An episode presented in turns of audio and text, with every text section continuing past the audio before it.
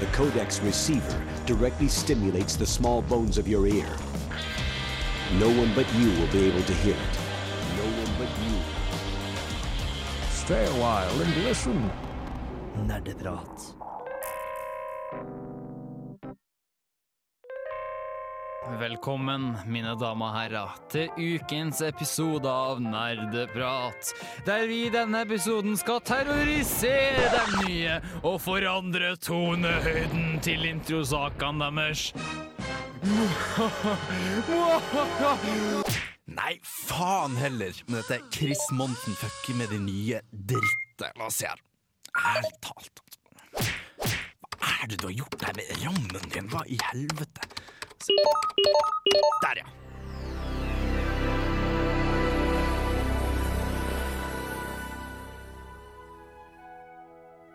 Hei og velkommen, mine kjære, søte små lyttere og nye i programmet. I dag skal vi introdusere de vidunderlige nye nerdene med deres fantastiske introsaker. Men før den tid, kjære lytter, skal du få en spillelåt. Vel, alle dagens spillåter kommer fra introduksjoner til spill, og du får nå Snake Eater fra Metal Gear Solid 3. Så spennende! Mitt navn er Bare Egil. Du hører på radio Revolt på internettmaskinen din. Cynthia Harrell var fortsatt i en drøm, slangespiser, og du hører på Nerdeprat, kjære lytter. Mitt navn er Kristoffer Monsen, og jeg kommer til å være programleder for sendinga her. Og hvor bra kommer sendinga her til å være, spør du? Jo, jeg skal si deg hvor bra sendinga kommer til å bli, men jeg kan ikke uttrykke det gjennom ord. Men jeg skal gjøre det gjennom en jingle.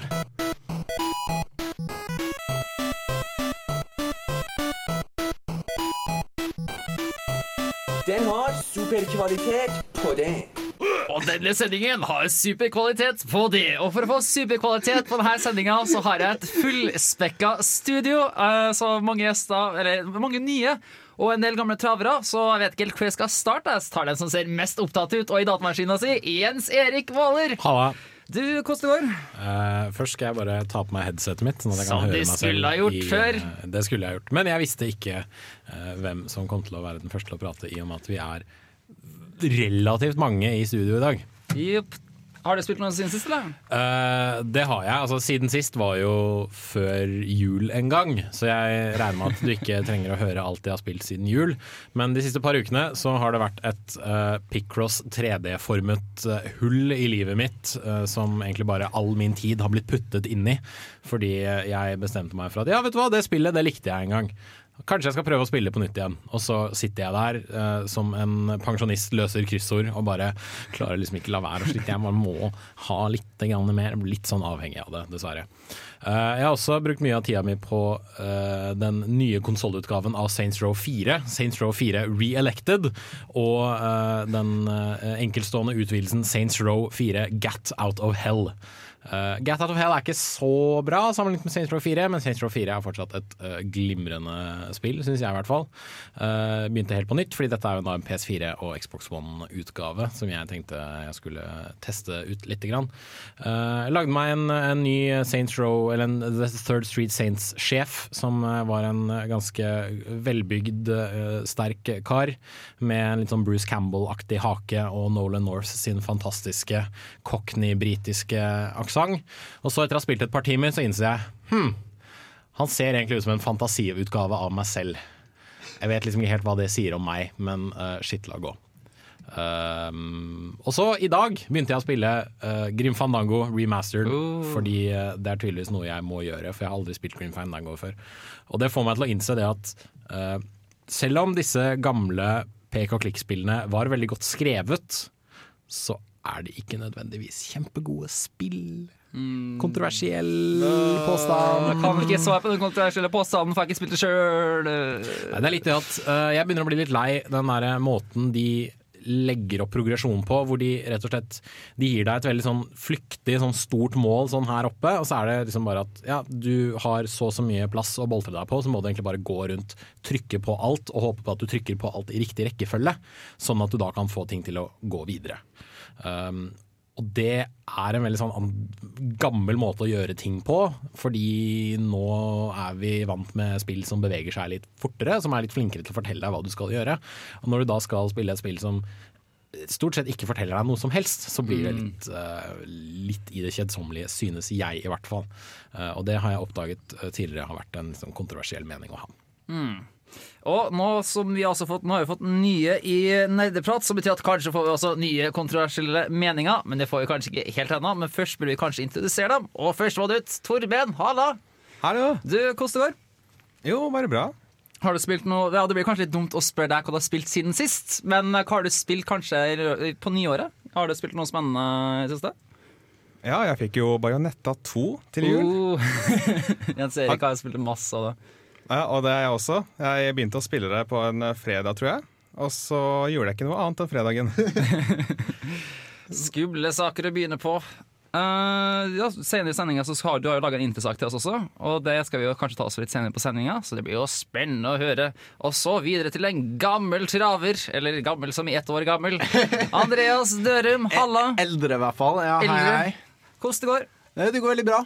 Jeg har, eh, jeg holdt på å skrive en sak til eh, Under dusken. Oi. Så den kan jo du, eh, kjære lytter, finne på den Under dusken som kommer nå neste tirsdag. Vink, vink. vink, vink. Har du fått tid til å spille siden sist? Eh, ja, men altså, jeg føler dere liksom kommer med et nytt spill hver uke. Jeg holder nå på med Saints Row 4, som også Jens Erik spilte på. Det kommer jeg nok til å gjøre i en del uker. For det er, Hva syns du så langt? Ja, jeg, det er jo fantastisk. Bare helt Premisset er jo utrolig bra. Altså I første oppdrag så stopper du et terroristplott mot verden, og så blir du valgt som president. Og det er liksom over USA. Og det er tutorial-oppdraget. Ikke bare gjør du det, eh, du på et tidspunkt klatrer opp en rakett Ja. mens den tar av, til tonene av Aerosmiths 'Don't Wanna Miss a Thing'. Ja. Mens dine kumpaner forteller deg om hvor fantastisk du har vært for dem, hvor bra det har vært å ha deg i livet deres. Og bare liksom, det, er, det er så hjerteskjærende og så nydelig, og så, får du, og så klarer du å sprenge raketten, og så hopper du ut fra raketten, og så lander du liksom i det ovale kontor på den Jeg Det bare er rett ned i kjempegøy. presidentstolen. Dette gjør jeg hver mandag. Og det, det spillet er bare fantastisk på å bruke musikk. For eksempel, eh, du, ok, spoilers, men du flykter liksom fra noen romvesener i et romskip. Og så sier du sånn Er det en radio på denne, dette romskipet? Fordi du flyr et romskip. Og så bare sånn Og så plutselig kommer What is love? Baby, don't hurt me. Og så bare skyter du romskip mens du hører på What is love. Og det er bare så fullstendig galskap og fantastisk nydelig. Det er et spill som på en måte tør å bare være gøy. Så hvis du ikke har spilt Saints Row 4, så burde du spille Saints Row 4. Cool. Vi hopper videre i sirkelen, og enda en ny person. Halla, Åse. Hallo! Halla, hvordan det går? Det går veldig bra med meg. Har du fått spilt noe siden sist? Ja, jeg har fått spilt eh, Eller siden sist blir jo for Ja. Men uh, Har du spilt noe i livet ditt? de siste par ukene har jeg faktisk spilt en DLC til Crusader Kings 2 som heter Way of Life. Der du eh, Jeg vet ikke om dere har spilt Ja, Crusader ja, Kings 2? er det incest-modden? Er Eller liksom incest expansion pack? For å si det på en veldig enkel måte. Det er det jeg vet om den expansion packen. Du er veldig flink til å selge dette her, Andreas. Anders, du Er det Game of Thrones du tenker på når du sier incest, eller er det Ja, altså, altså, ikke for å stjele spillet ditt, men Crusader Kings 2 er vel det nærmeste du kommer Game of Thrones-simulator. Ja, så det finnes en Game of Thrones-mod som er veldig bra til Crusader Kings 2. Da. Men uh, ja. Eh, det basically går ut på at du skal velge et fokus i livet. Og når det DLC kom ut, så var det jo en periode der et seduction-fokus. Så du kan ligge deg inn i alt slags mulig titler i hele Europa, basically. Så jeg lå meg jo til hele Carling-dynastiet på, på et tidspunkt. Jeg starta ut som en sånn enslig matriark i, Go i Gotland, tror jeg. Og så endte jeg opp med halve Europa. Det var konge. Det er lett måte å gjøre det på. Nei da. Eh, men Bård, du, jeg vet ikke om du har eh, ligget med halve Europa denne uka, men Ikke den uka. jeg, satte opp den litt for meg sjøl. Men uh, har du fått spilt noe siden sist, Bård? Vel, jeg har nå egentlig ikke planer om å spille noe denne uka, så kommer du på lørdagen etter at jeg har et par innabords som bare sånn Bård! Kan ikke du lage en anmeldelse til onsdag? Og så var jeg sånn Ja. eh. Så eh, jeg gikk gjennom eh, Steam-katalogen min, fant ikke et spill jeg ikke har spilt før. Så senere i sendinga så skal vi ta og høre en anmeldelse av The Novelist. Men det vil jeg ta og spare. I stedet har jeg lyst til å ta og gi lytterne en liten annen historie om noen regler jeg holder på med, og det Oi, oi. er Facebook. Fordi at eh, som den eh, gode lytteren du er vet, så er vi å finne på Facebook under navnet Nerdeprat. Men eh, forrige uke så var vi ikke til å finne der. Da var vi til å finne under navnet Nerdeprat med kontroll alt litt. Oh, ja, da, det oppstyret. Yes, fordi at vi har lyst, Da vi har kontroll alt elite, så har vi lyst til å introdusere navnet Nerdeprat, men fremdeles gjør det mulig for folk å finne oss på Facebook. Så nå som jeg offisielt har bytta navn, så har jeg lyst til å bytte navn på Facebook. Men det viser seg at når du har tatt og lagd en side på Facebook, så kan du ikke bytte navn dersom du har mer enn 200 personer som liker deg. Vi har 236 folk, som var sånn frustrerende nært, så da bare fant jeg tak i alle folka jeg kjenner som likte oss på Facebook, og så sa jeg Hei, du! Dette er sånn litt merkelig ting å spørre om. Men kunne du ikke like oss på Facebook i sånn to dager, sånn at vi kan fikse noe? Og eh, grafen eh, på hvor mange likes vi har, var sånn kjempeartig å se på, fordi at vi bare stupte i, i en par timer, og så fikk vi bytte navn, og så gikk vi opp igjen. Så eh, nå er vi til å finne på Nerdeprat på Facebook, på Twitter, på Instagram, på alt. Om du senga di, så er vi også Nerdeprat. Noen som kanskje ikke har fått styra med Facebook-likes denne uka, her er vår siste nye person, men ikke minst. Og det er jo Anders. Halla! God dag, god dag. Du, Har du fått spilt noe siden vel ikke sist, men dette året? Ja, det har jeg. Jeg har spilt veldig mye rart. Jeg har eh, utplassering på en ungdomsklubb nå. Ja. Der er det mye artige spill vi spiller. Så jeg har fått prøvd meg på Fifa for første gang i hele mitt liv. Fått rundhjuling i Fifa. Du, du, du er hvor gammel? 28. Det er jo veldig overraskende at du aldri har rørt et Fifa-spill i hele ditt liv. For jeg trodde det var en sånn ting man Det var nesten et krav at man på et eller annet tidspunkt i en norsk oppvekst har tatt i et Fifa-spill. Jo da, jeg har liksom spilt det én eller to ganger, men aldri okay. sånn aktivt gått inn for å vinne. Det er litt sånn ja ja, jeg kan bli med og spille med deg for å være snill med deg. Og Så bare taper man med overlegg, sant? Skjønner. Jeg tapte jo med overlegg i gangen her òg. Så har jeg Ja, eh, det var litt Mario Kart, litt Tekken. På, på privaten, som det så fint heter, så har jeg endelig klarte å slått eh, noe som har plaga meg i to måneder. Og det var en level på Candy Crush. Litt pinlig. uh, jeg- League of Legends har jo starta med en ny sesong, så jeg begynte å spille der. Så jeg bantes skikkelig til folk på Skype og hatt det kjempeartig. Og så har jeg tatt livet av veldig mange nakne menn i Rust. Som man alltid gjør. Uh, vi er, som dere kanskje hører, et veldig fullspekka studio. Og før du rekker å rope, så skal vi ta neste spillåt. Og Jens Erik, det er du som har tatt med den. Ja, uh, Siden du snakket om åpninger, så ble jeg, jeg ble litt sånn tatt på, på Hva heter det? Jeg ble litt overrasket da du liksom sånn Ja, nå må du finne en musikklåt eller en spillåt som er en åpning fra et spill. Ja, hva faen skal jeg gjøre det? Så sitter jeg og tenker litt da, og så går jeg alltid tilbake til det jeg som regel går til, og det er Chrono Trigger, som er et av mine favorittspill. Hvis du ikke har spilt eh, DS-versjonen, så er den tilgjengelig nå. Det er bare å kjøpe. Eh, og da må jeg selvfølgelig da selvfølgelig velge ut eh, Presentiment, som er denne klokkelyden som dukker opp i begynnelsen av spillet, før da hele hovedtemaet sparker inn og gir meg i hvert fall eh, gåsehud og eh, masse mengder nostalgi.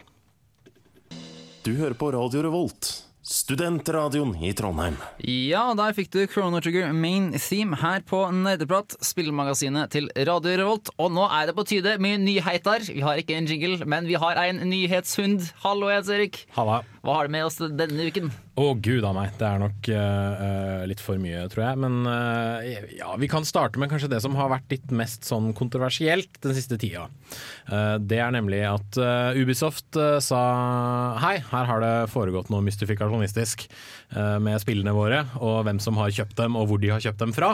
Så de sa rett og slett at vet du hva, vi tar alle disse spillene dere har kjøpt digitalt, sånn vekk fra Uplay-kontoen deres. Og så skal vi etterforske litt, og så får dere kanskje spillene deres tilbake. Og eh, nå, eh, denne uka, så har de sagt at ja, vet du hva, hvis du har liksom legitimt kjøpt spillet ditt fra en tredjepartsperson, og de ikke kjøpte spillnøklene til våre spill ulovlig, så kan du få denne Uplay-koden din tilbake. Men kun hvis du kjøpte den før vi begynte å liksom komme med hagesaksa og klippe vekk ting.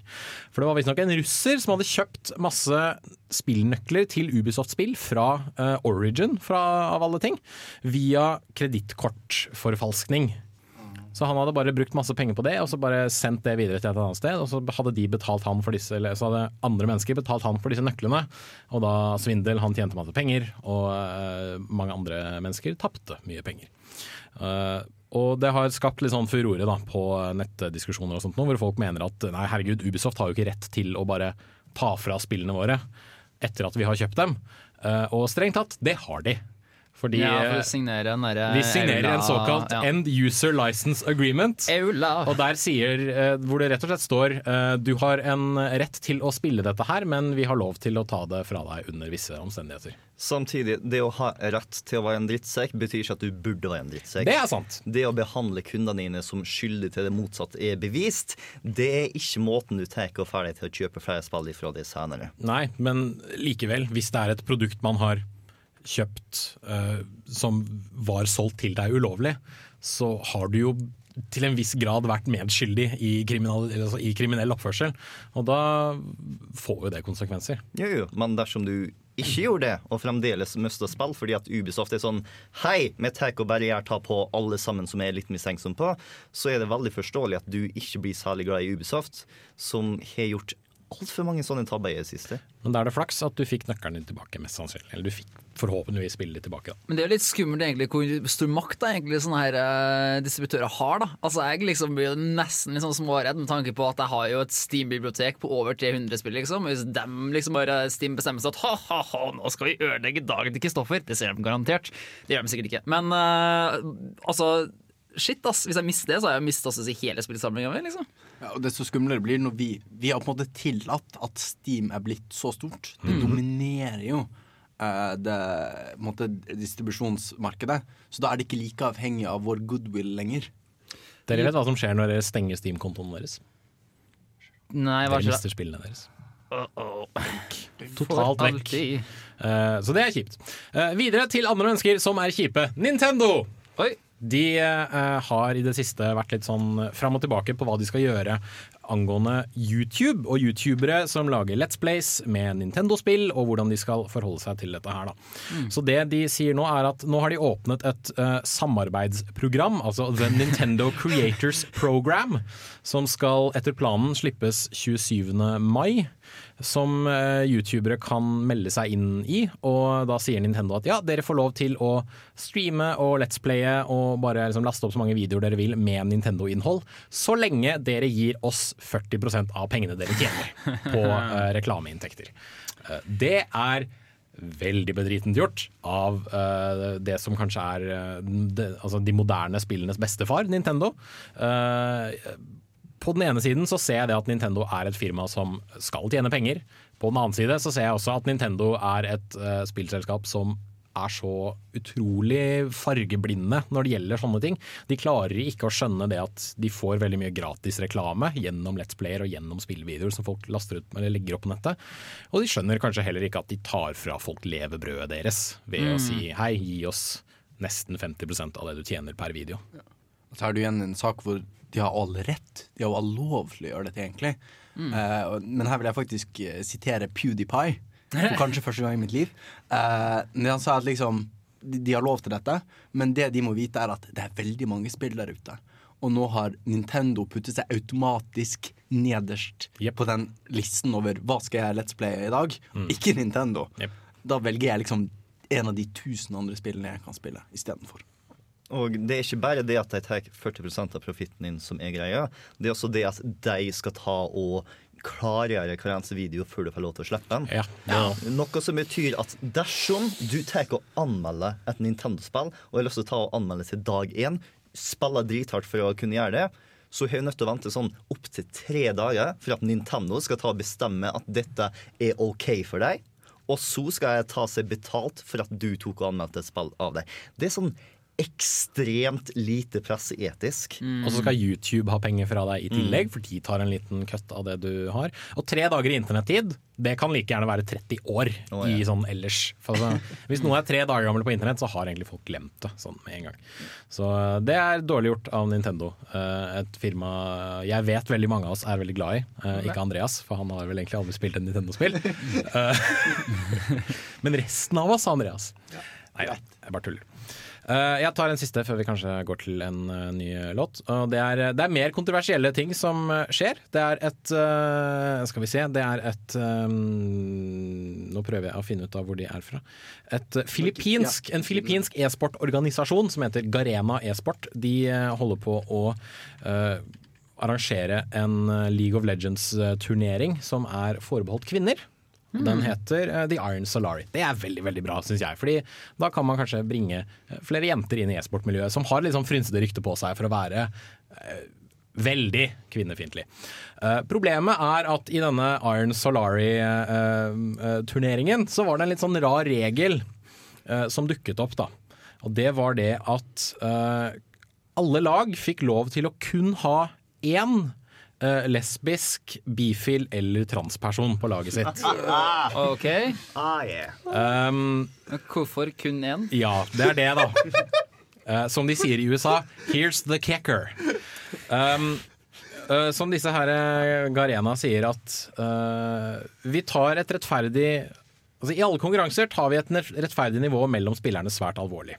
Det har vært innspill fra andre deltakere som mener at lesbiske, homofile, bifile og transkvinner kan ha en urettferdig fordel. Og da lurer jeg på hva i helvete er den urettferdige fordelen? At de liker samme kjønn? Er det liksom en Jeg, fordel i spill? aner ikke! Sånn- det er noe av det dummeste jeg har hørt i hele Ja. mitt liv. Jeg har hørt mye dumt.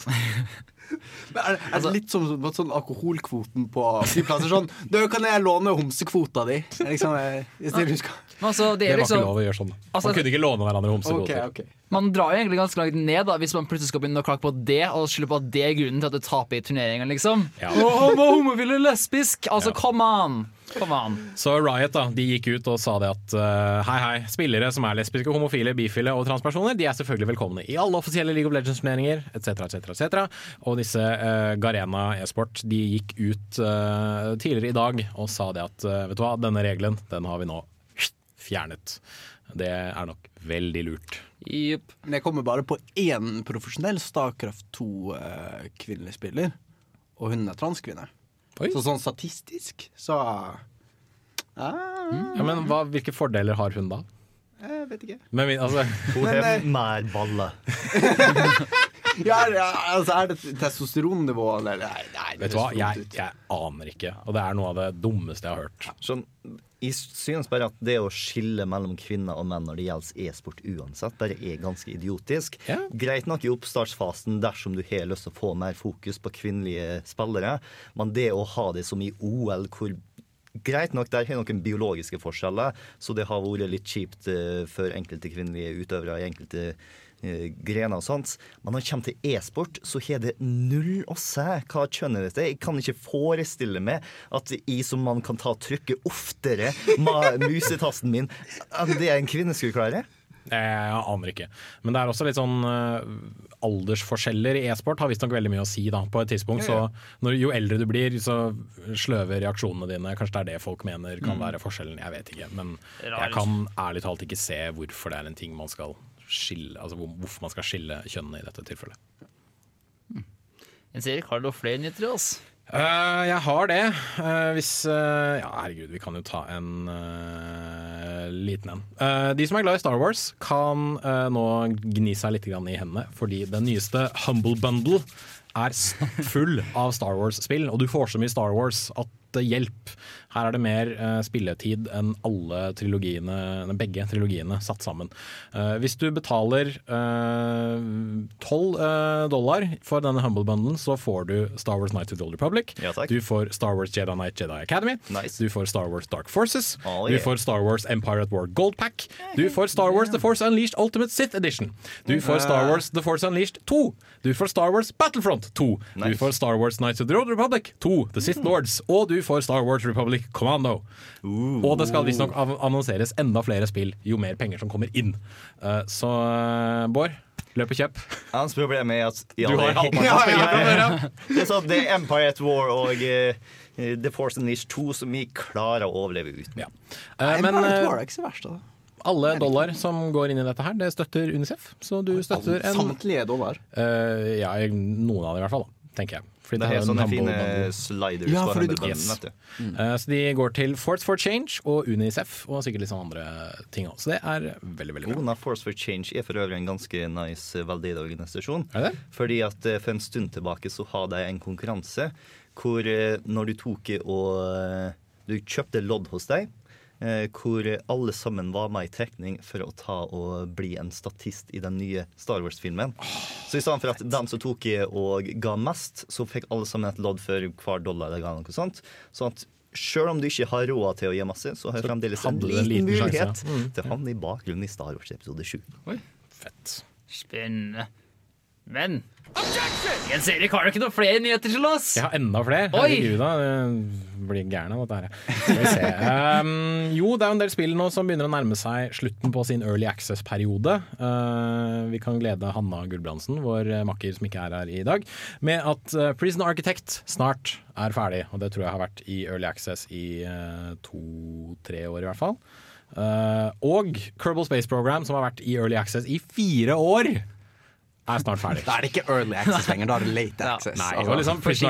Architect og Kerbal Space Program er liksom to spill som de har føltes ferdig og liksom komplette en god stund. da Men det er først nå de liksom offisielt får dette 1,0-stempelet. Mm. Liksom, ikke 0,99 whatever. Fortsatt like vanskelig, mest sannsynlig, men uh, Jo da, men liksom jeg hadde aldri sett for meg at et spill kom til å holde ut så lenge som fire år i det der Early Access-programmet, for da kan du like gjerne bare utvikle det uansett, holdt jeg på å si.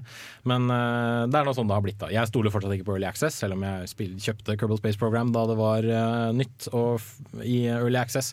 Men uh, i dette tilfellet i hvert fall så får man et ferdig spill, så det er bra. Har du en siste nyhet til oss også, Jens Erik? Det er så voldsomt, da. Jo da, jeg har en siste uh, for de som er glad i Lego-spill. Det har jeg vært uh, før. Det er jeg ikke så mye nå lenger, fordi Lego Batman 3 knuste drømmene mine og var skikkelig kjipt. Uh, de som er glad i Jurassic Park, kan smøre seg med litt tålmodighet, fordi det kommer et Lego Jurassic Park, eventuelt Lego Jurassic World, til sommeren, som følger plottet til Jurassic Park 1, 2, 3 og Jurassic World i Lego-utgave. Det er en sånn teaser-trailer ute på YouTube nå som er veldig morsom, hvor det er en, en, en Lego T-rex som sånn, tramper rundt med korte armer. Og Så brøler den, og så faller kjeven av fordi den er lagd av Lego. Og Så prøver den da å liksom plukke opp kjeven sin, og så får den ikke til av fordi den har kjempekorte armer. Det er nydelig.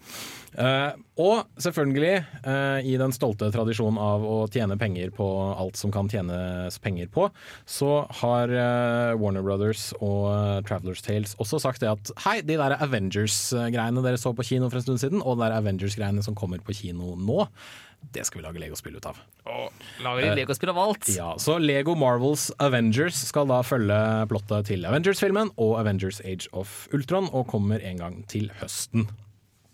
Så får vi se om det blir eh, bra. Jeg krysser fingra fordi jeg syns Lego-spillene har veldig god humor.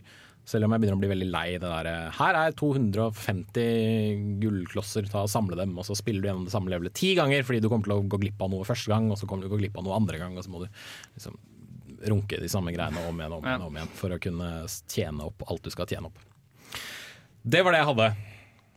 Alright, Hvis, du, hvis du er fornøyd med det. Jeg er fornøyd, Jens Erik. Takk skal du ha. Uh, snart skal vi gå til anmeldelse.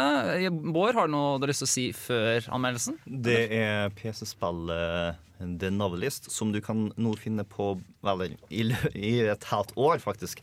Kan finne på Steam, Humble Store og den offisielle sida thenovelistgame.com. Koster sånn cirka en hundrelapp. Kult. Og før du får sagt, så er det på tide å ta en ny spillåt. Og det, det der kan vi ha med. Ja, skal jeg introdusere introduksjonen? Uh, introlåten? Introlåten? Ja, uh, det er fra Mass Effect 2.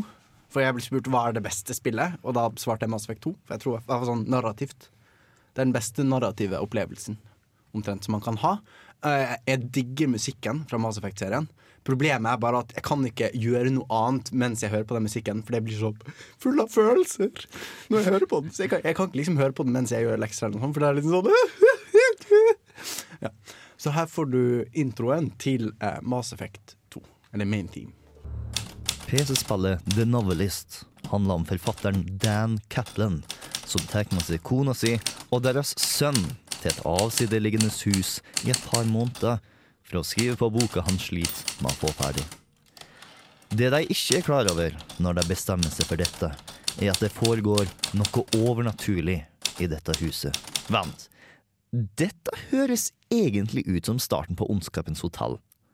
Man slapper av. The Novelist er mindre The Shining og mer The Sims. Og det overnaturlige huset, det er de, det. Du spiller som en ånd som beveger seg rundt i huset og observerer familien som nå bor der. Gjennom brev og tegninger lærer du om de tre familiemedlemmenes tanker og ønsker. Denne arkeologiske fortellermåten er du kanskje kjent med gjennom spill som Bioshock, Gone Home og The Last of Us, hvor du finner tegn fra fortiden og skaper deg et bilde av hva som har skjedd. Men The Novelist gir denne fortellerteknikken en frisk vri, og lar det påvirke verden du lapper sammen gjennom spor, i stedet for å la det bare være et narrativt krydder. I hvert kapittel av spillet har alle i familien et ønske de har lyst til å se oppfylt, men de er alltids i konflikt med de andre ønskene. Faren Dan har alltids lyst til å skrive på boka og få den til å lykkes, da han er redd for at han aldri vil få sjansen igjen dersom denne boka flopper. Kona Linda ønsker som oftest å forbedre ekteskapet deres, da de har glidd fra hverandre i løpet av de siste åra. Og sønnen Tommy har lyst på vennskap, både fra faren han knapt nok ser, og andre barn. Mens alle har lyst at de andre også skal få ønskene sine, så er det sjeldent at de kan kombineres. De har aldri tid til tre utflukter på én helg. Og pengene strekker ikke til både en annonse for Dans bok, en sommerleie for Tommy og utstyr, sånn at Linda kan gjøre noe selvstendig. En plass så må noe gi slipp. Og her kommer du inn. Etter at du har forstått nok av familiens situasjon i hvert kapittel, så kviskrer du i Dans øre hvilket valg han burde ta. Om du har undersøkt nok, så har du også muligheten til å komme med et kompromiss, slik at to av deg kan noenlunde få viljen sin. Men det vil alltid være noen som blir skuffa, og spillet er flink til å få deg til å bli skuffa med deg. I neste kapittel fortsetter historien, påvirka valget du overtalte den til å ta, men nok et nytt dilemma. Når spillet handler om familie, tidsklemmer og harde valg, så føler jeg at det er en tapt mulighet at dette ikke også påvirker utforskningsdelen av spillet. Familien oppfører seg aldri som en familie her, uansett hvilke valg Dan tar. De vandrer alle fra rom til rom og bærer hilser på hverandre når de passerer. Vi skulle likt å sett at det var samtaler som ble utveksla som du kanskje gikk glipp av dersom du ikke var på riktig sted til riktig tid. At den holdt til kontoret mesteparten av tida dersom du rådførte han til det, eller i sofaen med Linda om det var det du fikk han til å velge. Men når dette spillet er utvikla nesten utelukkende av én person, så er det forståelig at én plass, så må noe gi slipp. The Novelist er en dugelig historie.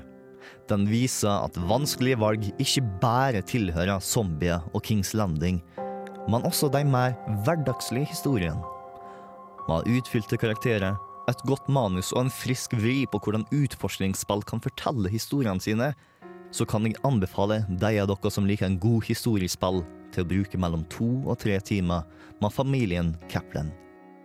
Du fikk traileren til The Novelist fra det offisielle soundtracket, og du hører på Nerdeprat. Og før det så fikk du en anmeldelse av The Novelist. Og heldigvis så har vi jo hans anmeldte her i studio, Bård Reistad. Og du, jeg lurer på, i dette spillet, hva er du?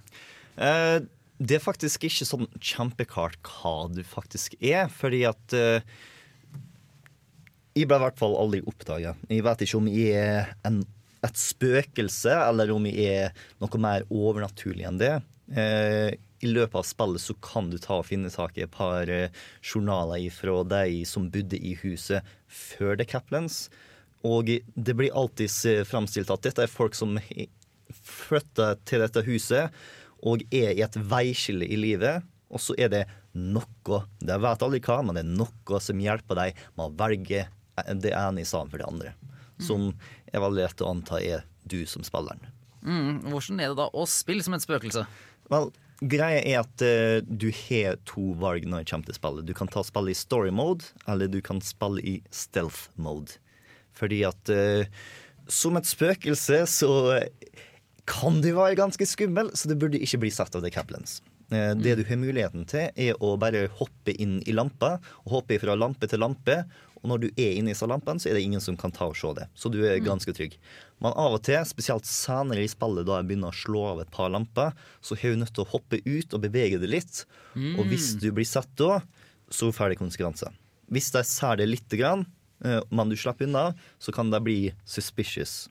Men hvis de får et godt inntrykk av det, noe de heldigvis ikke fikk med mens de spilte gjennom dette spillet, så blir de redd. Og når de er redd, Mm. så mister du muligheten til å gi deg kompromisset. Så for eksempel dersom Tommy har lyst til å ta og fare på et flyshow, og ser meg som spøkelse, så kan jeg ikke si til den hei, ta Tommy til flyshowet.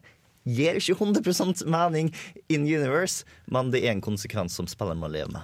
Ja, men jeg liker at man ikke både forsøker å forklare veldig eh, hva nøyaktig du er for spøkelse, eller liksom hvorfor blir folk spøkelser når de har dødd, eller sånn. Fordi da bruker man lang tid på det, og så kommer det alltid til å være masse hull og sånn i den forklaringen du Mm. gir. Bare si 'vet du hva, sånn er det', trenger ikke forklares, spill spillet. og liksom fokusere på det som er viktig, da. Mm. Men Du sa jo litt i sånn anmeldelsen at det her var liksom mer Sims 4 enn det var uh, The Shining. Eh, men samtidig så har de muligheten til å skremme dem som bor i huset, så da lurer jeg litt på liksom, er spillet dystert, egentlig? I, nei, det er liksom ikke sånn kjempedystert. Uh, musikken som ble spilt av i bakgrunnen, gir det litt sånn litt dyster følelse, men det er ikke det egentlig. Dette er en familie som på godt og vondt har familieproblemer. Eh, melankolsk blir jeg til tider, for, i hvert fall når du ikke klarer å hjelpe folk så godt som mulig. Jeg passer hele tida på å jevne det litt ut, sånn at alle sammen fikk, ble skuffa litt eh, eh, hver eh, kapittel. Sånn at eh, det var ingen som ble sånn eh, kjempedeprimert. Har jeg f.eks. aldri hjulpet Linda, så tror jeg at på slutten av sommeren så har hun endt opp med å skille den. Eh, men jeg passer på at av og til den, så må vi ta og legge fra den boka og ta og hjelpe deg med å være en familie. Så eh, dystert vil jeg ikke beskrive det som, men det er ikke et sånn superhappy spill heller. Dette er jo et uh, enmannsprosjekt, så vidt jeg har skjønt, av en fyr ved navn Kent Hudson. Uh. Føler du at det er noe selvbiografisk over dette her? Det skal du ikke se bort ifra, men jeg følte ikke at det var noe som er nødt til å være det. det om han skal være Dan eller om han skal være Tommy, vet jeg ikke. Men selvfølgelig, det å være den artisten som har veldig lyst til å ta og gjennomføre noe, som jeg vel forestiller meg at uh, han gikk gjennom da han tok og lagde The Novelist og spill før det dersom han lagde det, kan jeg forstå at det kanskje fødde litt på eh, dette prosjektet her. Eh, jeg tenker, Apropos selvbiografisk, altså du, finner du noe av deg selv, på en måte? Altså, Vi er jo studenter, vi er travle, vi må også prioritere hva vi bruker tiden vår på, om vi bruker den på å være på radio, vilkårlig var, eksempel. Eh, har du liksom skjønt noe om deg selv, eller lært noe av å spille spillet? Eh, Jeg føler litt at jeg så litt av far min i den. Fordi at eh, far min var av den typen som var på kontoret og jobba veldig ofte. Og eh, som kanskje kunne hjulpet meg litt mer med lekser da jeg var liten. Og nå skal jeg begynne å hulke. Nei, nei, nei. Eh, Men ja, sa dilemma når du har liksom alle sammen har lyst til noe, men det går ikke an så masse tid. Det har jeg absolutt som, opplevd som student, spesielt i studentmedia, når jeg skulle ta og få til kontroll til litt krønikerne. Og det var sånn aldri et tidspunkt som passer for alle. Så på en eller annen plass så må det bare gi. Mm. Hvor kan man få tak Du sa det litt du sa det i forrige stikk, men du kan Ja. kanskje si det nå også. Hvor får man kjøpt det? Du får det på Steam for 100 kroner. Du får det på Humble Bundle og på The Novelist Game for sånn 13 euro. Hva som er billigst av det, er ikke oppdatert på, men jeg tror 100 kroner er den billigste av det. Ja, ganske, høres ut som ganske ålreit spill å prøve likevel, da, Mm. til den prisen. Så Ja, ganske og du blir ferdig med det på en kveld, så. Mm, og nå er det på tide med å introdusere de nye. Så vi skal jo begynne egentlig ganske bare rett på. Uh, starte først med Torben. Halla. Du, før vi spiller av introsaken din, så skal vi spille av en låt som du har valgt. Uh, har du lyst til å forklare den, eller? Eller hvorfor du har valgt den? Ja, den er eh, laget av Jake Coffman, hvis jeg får lov til å spoile det. Og det er kanskje ikke mange, mange som kjenner ham på navnet. Men Jake Coffman har laget uh, blant annet Shovel Night-soundtracket. Okay. Så han Men jeg likte han lenge før det, så jeg likte han før, han var, eh, før det var kult å like han. Må bare få sagt det. Men eh, ja, han er min absolutt favorittkomponist, for han lager så utrolig fengende låter. Som eh, bare passer bra med spill og alt mulig sånt. Så denne låta er da fra Mighty Switch Force Mighty Switch Force. og heter Wow, I'm in Space Cuba. Cool. Da spiller vi på den, og så kort tid etterpå så skal du få introsaken til Torben. Men nå, som sagt, så får du Wow, I'm in Space Cuba av Jake Kaufman, og du hører på Nerdeprat, som er spillmagasinet til Nerdeprat.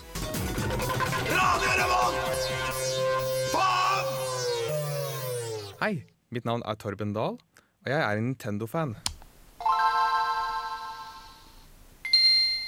Og hvis det er én spillserie som ligger mitt hjerte nærmere enn noen annen, så er det Pokémon-serien.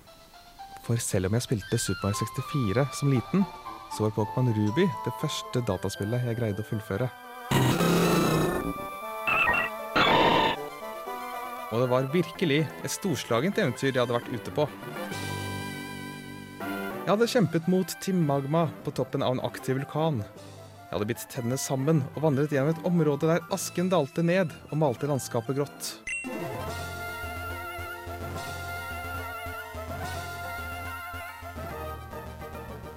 Jeg så det grusomme beistet Grudon bli våknet opp av hvem andre enn Team Magma. Og jeg, en liten drittunge på ti år, var også den som måtte konfrontere beistet for å redde verden fra å bli fullstendig dehydrert og miste atmosfæren, fordi Grudon tydeligvis hadde den slags superkrefter. Men det var ikke bare eventyret i selve spillet som gjør at jeg sitter igjen med nostalgi for den tredje generasjonen Pokémon-spill. Nei, det er selve fellesskapet med de andre Pokémon-trenerne i klassen min som gjør at jeg husker dette spillet spesielt godt. Vi fortalte om mysteriene vi hadde oppdaget. F.eks. den mystiske Pokémon Chedinia, som bare dukker opp for å løse lufta hvis du utvikler Ninkada til en jask samtidig som du har ledig plass i partyet ditt. Chedinia har for øvrig Herregud. Jeg visste jeg var Nei, men får det være grenser? Um, unnskyld? Hei du, Torben. Du vet du har tatt opp til nerdeprat og ikke Pokémon-prat, Nintendo-prat eller AB Start Select for den saks skyld. Nintendo er ikke de eneste som produserer kvalitetsspill. Nintendo suger. Nintendo er ikke noe bra. Nintendo er for små barn. Online-spilling på Nintendo-konsoller er ikke bare en vits, det er en dårlig vits. Du syns ikke du er litt for gammel til å like Nintendo, eller? Ok, så det du forteller meg er at Hvis jeg mistet 3DS-en min, så har jeg også mistet alle de digitale spillene. gir bare ut de samme gamle Selv om jeg logga inn igjen og igjen og igjen. Hvordan gir det mening? Nintendo er doomed. Igjen. Denne gangen også. Nintendo er alltid doomed. Ok, så overdriver jeg litt, grann, kanskje, men eh, likevel. Nå begynte en ny æra for meg. Med Steam installert på datamaskinen og gode tilbud fra Hummel Bundle fikk jeg mange nye opplevelser. For eksempel Bastion, et fantastisk spill med storytelling mens du spiller. Fes, spilte det aldri ferdig, men så stemningsfullt og vakkert. Super Hexagon, fra skaperen av VVVVVV, som du sikkert skjønner. Jeg liker en real utfordring. Shovel Knight. Ah, et av fjorårets favorittspill for min del. Og Tesla Grad. Puzzle-plattformer med stemning og atmosfære så det holder.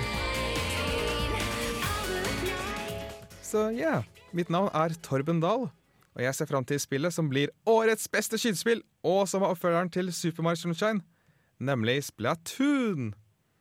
Dere trodde ikke jeg hadde sluttet å like Nintendo, trodde dere vel?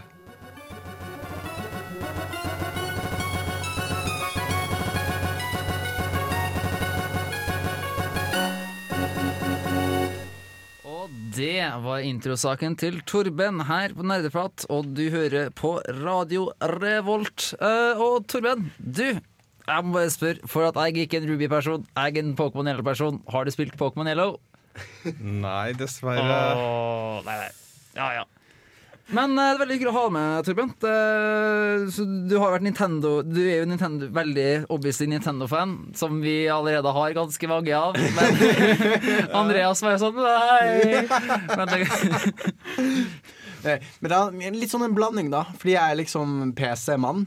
Og dere er sånn, i hvert fall mange av dere er sånn Nintendo-folk. Nå har vi liksom en PC- og Nintendo-person. Så han- han kan være liksom et bindeledd eh, mellom meg og Nå høres det ut som jeg er veldig utenfor programmet, men det er ikke. Men, eh, liksom, han, kan, han kan tale på mine vegne, da. Når jeg ikke er der.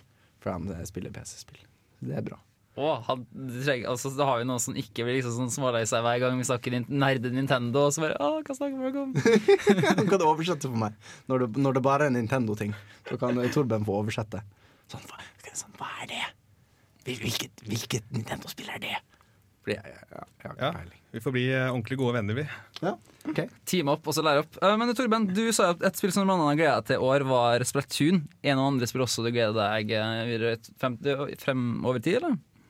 Så ja, jeg må innrømme at jeg starta å spille mange Zelda-spill, men jeg har fullført eh, særdeles få. Men eh, jeg ser jo likevel fram til eh, hva vi har venta i Zelda til eh, VU.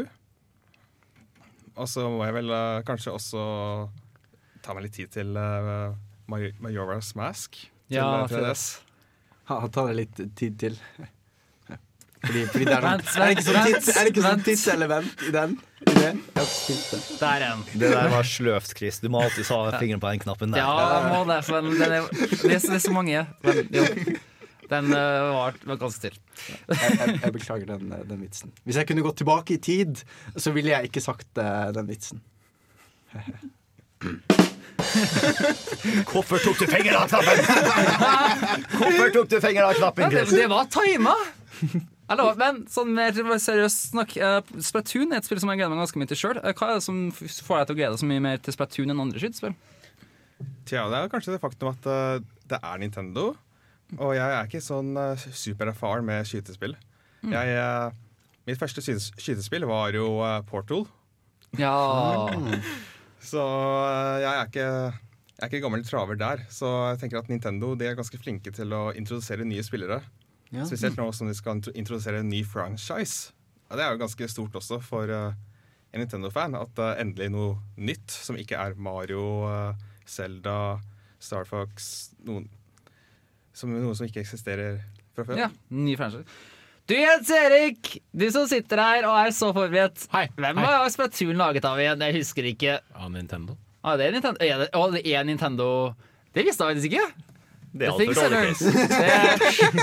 Jeg må slutte. Jeg blir erstatta istedenfor. Ja, nei. Ja. Jeg går og skammer meg allerede. Men du, Torben. Da vi tok og snakka litt på lørdagen, så kom det fram at du har et litt nærmere forhold til spillmusikk enn det jeg har. Fordi at jeg liker å høre og finne tak i spillmusikk, men du gjør litt mer enn det.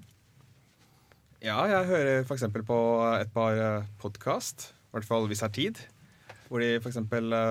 tar og snakker om et spesifikt spill. Går gjennom hvert podkast og nerd, eller hvert eneste spill eh, Hva heter det? Låt i spillet. Ja, Og- det, er det offisielle soundtracket til det. Ja. Mm. Ja, og så tar og nerder litt over eh, hvert eh, enkelt eh, spor som de trekker fram. Og jeg, Og ikke bare spillmusikk også. Jeg er også litt interessert i uh, chiptunes, som er Ja. uh, navnet på musikk som benytter seg av uh, gamle beep, eh, boop-lyder fra 8-bit-maskiner. Er du glad i Anna Managuchi? Eller har du hørt om det? Jeg har ikke hørt om det. Da skal jeg fortelle om det etterpå. Og folk tommel opp fra Anders. Så bra. Så kanskje jeg skal finne en annen Gucci til å slutte senere. Hva, hva, eh, hva er det?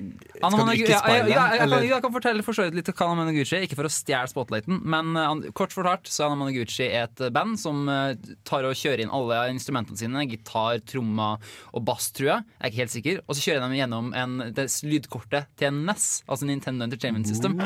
Og så lager jeg musikk, da. Men det var ikke meninga å ta fra deg, mann. Nei, men Det er morsomt å høre om. eh, Det må jeg sikkert sjekke ut. Ja, det er, det er sinnssykt fett. Det funker fjell. Men så du kan egentlig ganske mye om spillemusikk. Så. Så jeg da, da har vi to konkurrerende sånn spillmusikkmestere. Yes. Vi må ha en sånn spillmusikkduell. Jeg har også forstått at du har lagd litt chiptunes-musikk også. Ja, jeg, jeg liker på fritida så spiller jeg keyboard. Eller tangentfjøl, som jeg hørte det heter på norsk. Og eh, med det så kan jeg også komponere musikk. Så eh, jeg skal ikke ta og promotere YouTube-kanalen min her, men uh, Det er lov. Jo, jo, gjør det, gjør det, gjør det. da. Hvis du søker opp Tobinus på YouTube, så finner du massevis av uh, musikk som er fanmade Pokémon-musikk. Hvor jeg later som at jeg er en Pokémon-komponist, og så lager jeg musikk som eh, jeg tror kunne passet inn i et Pokémon-spill. I den stilen, eh, Pokémon-stilen. Ja. Kult. Du, vet du, For den der så fortjener du den der. Du gikk på level. Jeg vet ikke om vi har Yes. level-system i eh, nerdeprat, men uh, vi kan lage et. Og det finnes. Og det er faktisk ganske kult. Så du får nok en subscribe fra meg, iallfall. Mest. Uh, da tror jeg kanskje det er på tide, før man får skrekke, å gå videre til neste nye. Og lave synge ferdig. Og neste nye er Åse. Og du har uh, tatt med også en låt. Ja, jeg. Har tatt med en låt fra en av favorittspillene mine noensinne, som jeg nevner i den nye saken min, som heter Shad... Nei, Snow, ja. Snow over Northmore, som er fra Daggerfall. Altså Ja. Elder Daggerfall. Daggerfall. Cool, men da spiller vi av den. Og så kommer vi introsak etterpå, så det blir spennende. Sommerferien 2004 ble jeg introdusert til den vidunderlige verden av ulovlig fildeling. Når jeg var ni, hadde jeg en Gameboy Advance og Pokémon. Iblant slapp jeg til Sims-spillene til søstera mi, men det var omtrent alt jeg hadde av spill når jeg vokste opp. Jeg spilte aldri Zelda. Min første Pokémon var en Torchic, og det første ordentlige konsollen jeg noensinne spilte på, var en Xbox i førsteklassen. Det var derfor sjukt spennende å bare laste ned spill fra nettet. Vi tok bare den øverste linken, som viste seg å være en samling Elder Scrolls-spill. Etter en omfattende seleksjon for å gjemme nedlastninga fra pappa, kunne jeg endelig sette meg ned og prøve dem tre dager senere. Sakte, men sikkert fylte startskjermen til Elderscrolls Adventures Adventures Redguard-skjermen. Jeg jobber meg opp og utforsker enorme byer og ruiner i søk etter søstera mi, snubla over fulle pirater, kryssa sjøen med håp i hjertet og sol i sinn. Jo da, altså. Det var dritkult å spille Kaptein Sabeltann laga av tre polygon som hoppa rundt på gigantiske fluesopper, men jeg var ikke helt frelst. Det var først når jeg sprang rundt i Daggerfall, leste bøker, galopperte over savannen med vind i håret og en stakkar pirat sine underbukser i lomma, kjempa jeg meg gjennom horder med rotter med de verste musekontrollene i verden, nærmest drept kongen flere ganger i søken etter raske penger, alt mulig rart. Og da skjønte jeg at da var jeg hekta. Det å gå fra å drepe uskyldige mennesker i badebasseng i Sims til å være en helt i en verden jeg rett og slett kunne gjøre hva faen jeg ville i, var for meg helt vilt. Jeg elska settingen, historien, gameplayet, til og med de generiske replikkene NPC-ene kom med.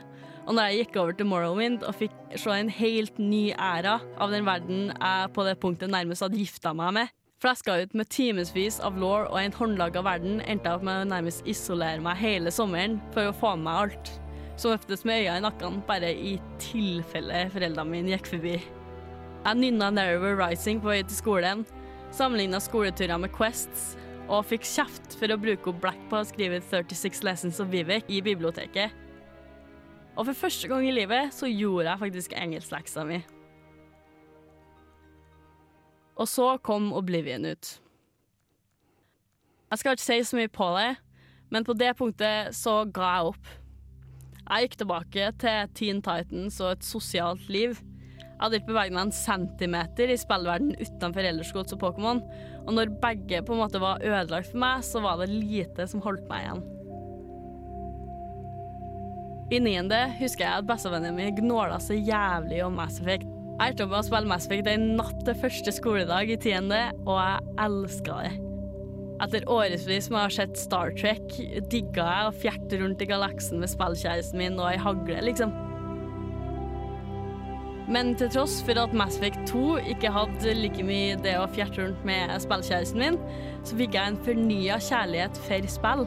Og ikke bare dem som jeg nærmest ble tvunget til å prøve som så å si alle spillene jeg har prøvd før. Men jeg begynte sjøl å søke ut nye spill, verdener, historier og opplevelser. Det er først nå jeg ble det som man kan kalle en gamer. Samtidig som at jeg lærte om politikk og samfunn i eh, skolen og ellers, så fikk jeg øye opp for spill sin økende rolle i kulturen vår. Ikke den litt marginaliserte interesse jeg har vært kjent med som niåring, men som et seriøst medium. Når jeg tok dypdykket inn i internettfora, møtte jeg folk som delte mine interesser og meninger, og tok dem seriøst.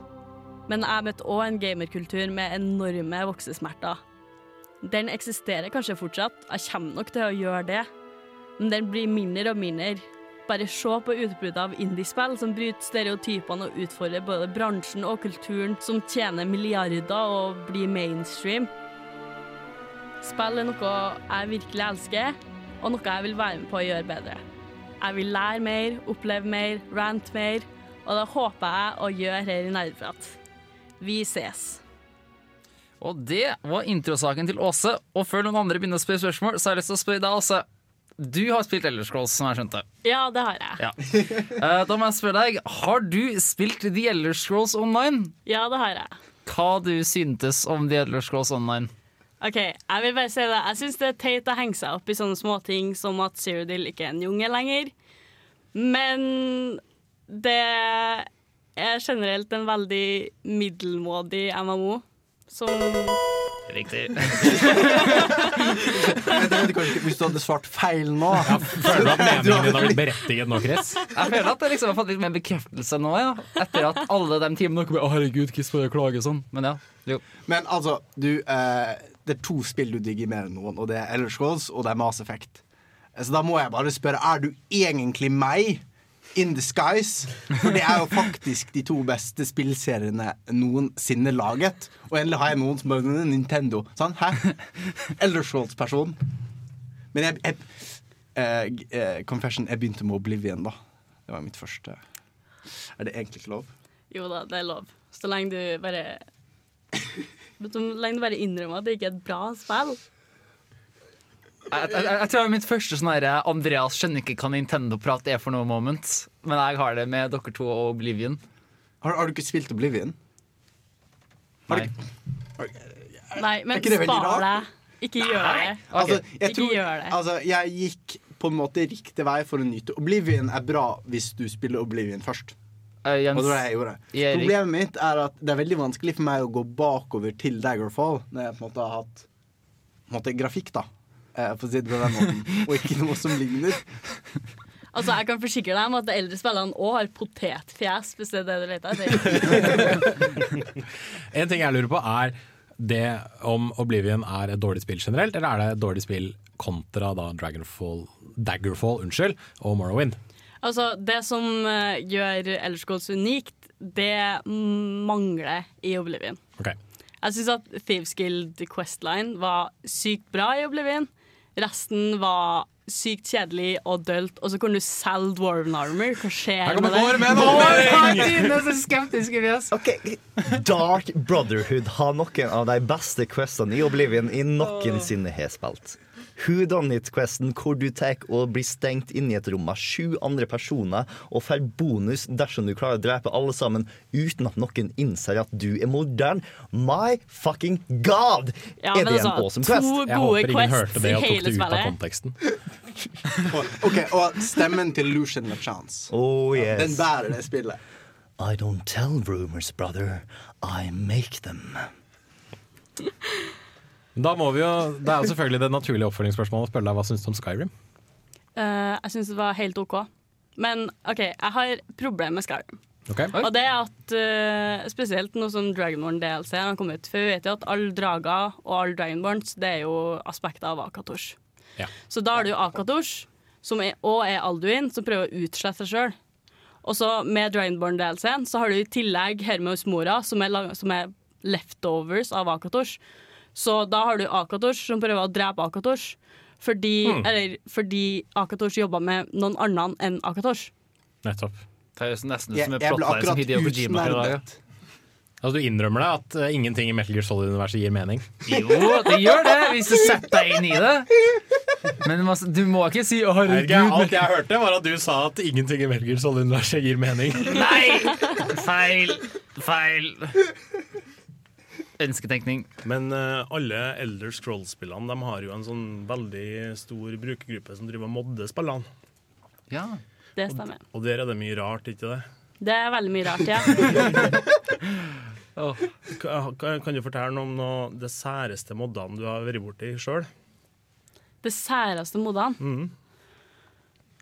Nei, altså Mest sånn Jeg har jo vært noen turer på Lovers Lab, som er litt sånn eh, Veldig kjent for sånn barneporno-mods og sånn. Og da har jeg funnet et par barneporno-furry-mods. Oh. Som jeg aldri har lyst til å se igjen, som jeg ikke har lyst til å tenke på heller.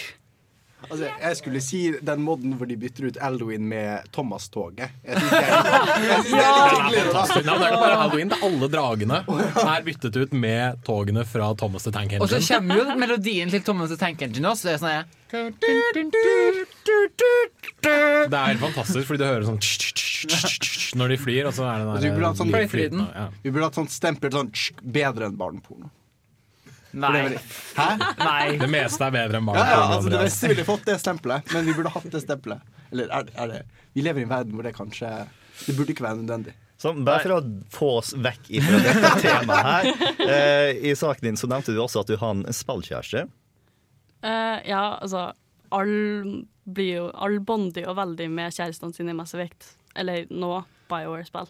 Og din spillkjæreste i Mass Effect var Liara. Og i toeren Ingen! Ingen. Du holdt det Du var, eh, Ja, jeg, jeg fôra dere fiskene som ingen har gjort før. Jeg, jeg, altså, jeg, Altså, jeg, jeg hoppet på Gareth med en gang Lara var ute døren. Alle mine fisk døde. Nei, men hallo, Gareth er rom-Batman. Du kan bli kjæreste med rom-Batman. Så hvis Tali har vært en mulighet i Mass Effect 1, så har jeg vært der fra dag én, altså. Men hun er en mulighet i Mass Effect 2. Hun er det. Ja. Og det er der jeg holdt med helt siden. Ja, nettopp. Det er bra. Det var dit jeg dro også, og så kom jeg Fordi For min del så hadde jeg ingen kjæreste i Mass Effect 1. Så var det uh, Ja, nettopp. Nå husker jeg selvfølgelig ikke hva hun heter. Har du glemt hva hun heter? Ja. Det var eh, Tali Miranda. Tali, selvfølgelig. Det var Tali i Mass Effect 2. Og så var jeg litt sånn drittsekk og gikk til Yara i Mass Effect 3. Jeg Men eh, Tali endte opp med Gareth, så yay! Fordi hun overlevde den der Geth-greiene. Jeg bare spilte Mass Effect 1 fram til jeg kom til et sånt issted, og så døde jeg, og så måtte jeg gjøre fire timer med arbeid på nytt. Ja. Men jeg, jeg merket nå Jeg syns nesten dette var liksom mer vanskelig å snakke enn om enn liksom faktiske kjærester. For det er på, på en måte Oi. mer personlig. For det er liksom noe jeg har opplevd veldig alene. Altså, skjønner du? Eh, og det, det føles på mange måter som en mer personlig opplevelse enn liksom, hva skal vi si uh, AFK-kjærester. Skal jeg si det? That's Jeg vet, jeg vet ikke om jeg, vil bli, jeg har lyst til å bli sitert på dette på et tidspunkt. Men jeg syns det dette, jeg synes det nesten var mer personlig å snakke om. Det er liksom, jeg merker sånn, wow. Ja, jeg var litt sånn, jeg merker nesten blir rød i skinnet. Kunne nesten hatt sending på det. Oi, Spennende. oi, det var spennende. Den kunne jeg hosta. Men det har vært veldig mye snakk om Elder Scrolls, veldig mye snakk om uh, Mass Effect, der jeg bare står her som et stort spørsmålstegn. Men er det noe spill du ser fram til nå fremover? Det er et veldig vanskelig spørsmål, altså. For det Det er egentlig ikke det, altså. What? Jeg ser fram til mer eh, DLC til Crusader Kings 2. Til Crusader Kings? Crusader Kings 2. Ja, ja, ja. Og så Mass Effect 4, da. Eller nå er det jo sånn Nå er man i den syklusen der man venter på nyheter på Mass Effect 4. Men skal det bli en Mass Effect 4?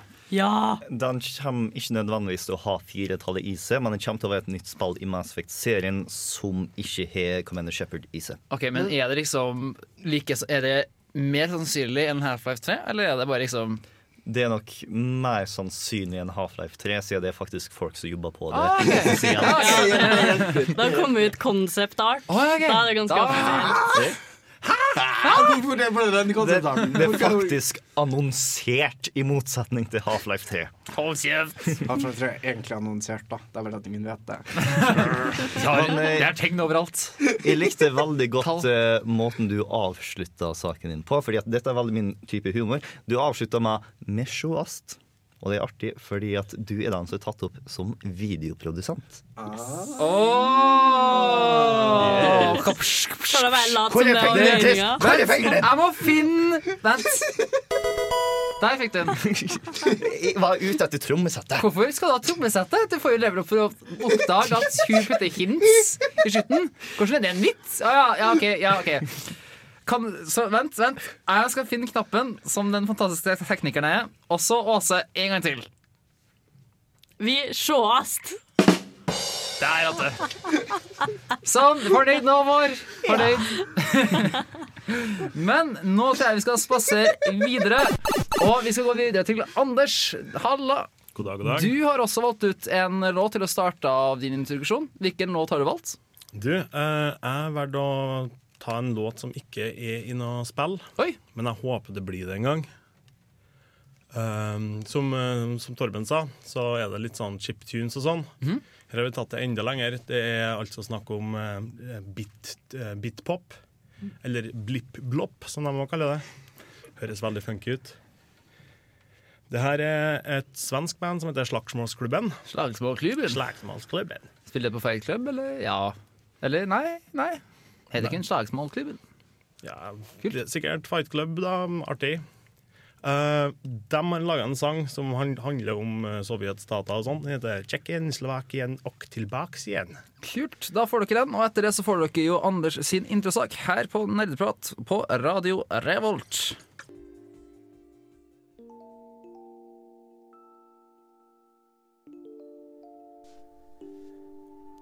Hei. Jeg heter Anders, og jeg har en mørk hemmelighet. Jeg har kosa meg med dataspill så lenge jeg kan huske på. Fra første gangen jeg besøkte søskenbarnet mitt og fikk prøve hans 8-bit Nintendo, var jeg helt hekta.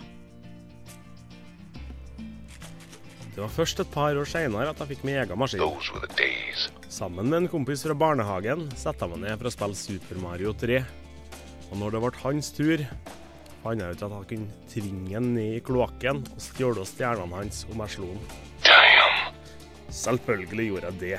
Damn. Da han kauka ut i frustrasjon, oppdaga jeg min store lidenskap. Det skulle fortsatt gå en del år før jeg lærte meg uttrykkene griefing og PVP, men allerede da visste jeg innerst inn at jo mer jeg klarte å frustrere motstanderen, jo mer ville jeg kose meg.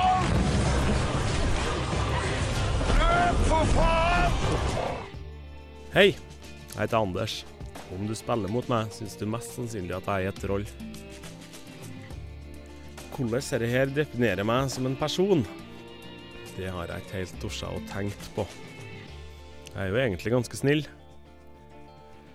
Men lell føles det veldig godt å vite at på den andre enden av internett sitter en person som har fått en litt dårligere dag av å spille mot meg. Om det er fordi at vedkommende har slått hodet mot min Mildek i Heartstone, gått over giftsoppene mine når jeg spiller Timo, blitt tvunget til å spise råtten frukt i Daisy eller blitt worker-rusha i Starcraft, det er ikke så viktig. I don't know who you are. I don't know what you want. Det er når skjellsordene og drapstruslene flyr i min retning, og frustrasjonen er til å ta og føle på at jeg virkelig koser meg med spill. I will look for you. I will find you. And I will kill you. Det folk ofte overser, er hvor viktig det er å være rolig når man spiller mot andre folk. I beste fall så spiller du mer aggressivt og tar idiotiske sjanser. I verste fall så har du ødelagt for hele laget ditt bare for at du ble sint på et dataspill.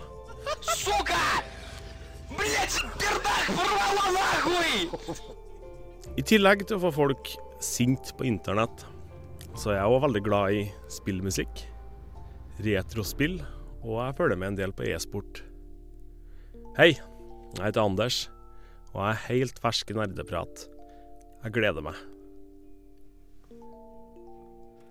Og der hadde vi introsagen til Anders. Og Anders, en av tingene som jeg tar med seg, at du er veldig glad i sånn den tidligere sendinga, og at du, du også er veldig glad i chiptune-musikk. Ja, stemmer. Ja, Hva slags artister er det du hører på? Det er jo mye Slagsomsklubben som har spilt i stad. Eh, I tillegg så kom jo Dunderpatruljen med et fantastisk album i fjor. Åh, da var jeg litt uforberedt på det spørsmålet. jeg. Eh, åhå. Men Anders, hvis du har eh, på din confession at du er et troll, så må nok jeg confesse at jeg sitter ofte på andre siden. Oi. Og jeg banner mot TV-en. Altså, jeg, jeg liker å tenke at jeg pleier å være en ganske rolig og hyggelig person. Jeg tror de fleste forbinder meg liksom med å smile og være hyggelig. Men når jeg spiller dataspill, når jeg spiller COD for eksempel, og jeg blir så sinna Jeg blir så. Jeg har en historie å fortelle. Kan jeg, kan jeg hijacke hele greia og fortelle historien? om meg som- Hijack vei. Så lenge du Eh, får ok, jeg spilte Dette tror jeg jeg snakket om før. på Satellitt. Nei, på Nei. ja. Jo, ja, ja. men fortell igjen. Um, jeg spilte Alone in the Dark, rebooten. Den som er forferdelig dårlig. Altså, helt, altså, du, man blir fascinert når man spiller det spillet, og at noen kan lage et spill som er så dårlig. Jeg anbefaler det bare sånn for å oppleve genuint dårlig. Du tror du har spilt dårlig, du har ikke spilt dårlig før du spiller Alone in the Dark. Men dette var en tid hvor jeg var veldig på achievements. Så jeg skulle liksom ha de achievementsene fra det spillet, for nå hadde jeg kjøpt det. Um, og jeg spilte Alone in the Dark, og det er, sånn, det er en sånn svart gugge som kommer og tar deg. Og så er den redd for lys, så du må holde noe som brenner for å skremme bort den svart, svarte guggen. Og da måtte du først Og så var det et sted på levelet hvor du først måtte slåss mot mange beist, og så måtte du gjennom et sånt eh, si et slags basseng av sånn svart gugge, og så måtte du opp en eh, stige. Og så Du måtte spille gjennom hele den sekvensen først, før du kunne prøve å komme gjennom bassenget. Først så hadde jeg, jeg hadde en brennende stol. da Først så la jeg den brennende stolen litt for langt borte. Og da kom liksom svarte guggen og spiste meg. Sånn, «Åh, det det, åh, men jeg skal klare det Uh, Og så andre gangen Ok, denne skal jeg i hvert fall ikke bli sist av den svarte guggen, så nå har jeg brennende stolen ganske nærmt. Og da tar jeg fyr. Og jeg begynner å brenne fordi jeg dør av flammen fra den brennende stolen som skal redde meg. Og da blir jeg så sint. Uh, og på den tiden så slo jeg ofte i gulv og vegger når jeg var veldig sint. Eh, veldig produktivt. Eh, liksom for å få ut frustrasjonen. Så jeg slår i gulvet ganske hardt, med litt dårlig teknikk. Eh, og så slutter det ikke å gjøre vondt. Eh, og da hadde jeg klart å brekke hånden min ved å slå i gulvet av å spille en Lone in the Dark. Så, det, det var et Sinclair-spill, da. Men jeg vil huske å tenke, jeg huske å tenke på smerten du påfører. så... det var sikkert godt for deg å få det ut nå, var ikke det? Jeg fikk det veldig ut. Jeg slo ikke vegger etter det. Det er sant. Så Anders, har du fått noen gang fått noen til å slå handa litt for hardt? Det, det har du jo. Men så lett å få- jeg holder så hardt, Kanskje ikke brekk handa hardt, men, eh, men har du noensinne blitt frustrert sjøl? Ja, eh, ikke, eller ikke bare frustrert, men sånn eh, når jeg blir frustrert, så syns jeg det er artig lell i etterkant. Eh, har nå regner med at de fleste er kjent med Daisy, altså sånn Mm. Early Access-skitspill som uh, ja, det er sånn pyramideskjema. Alle de Early Access-spillene kjennes det ut som, for jeg bare kaster penger, og så får jeg ingenting tilbake. Men Anders han har overlevd i to dager nå, så langt han har kommet ut ned fra fjellet og har kanskje Jo, jeg hadde ei rifle uten ammo på ryggen og en svær ryggsekk og en fin hettejakke og ja. Og det var mørkt ut.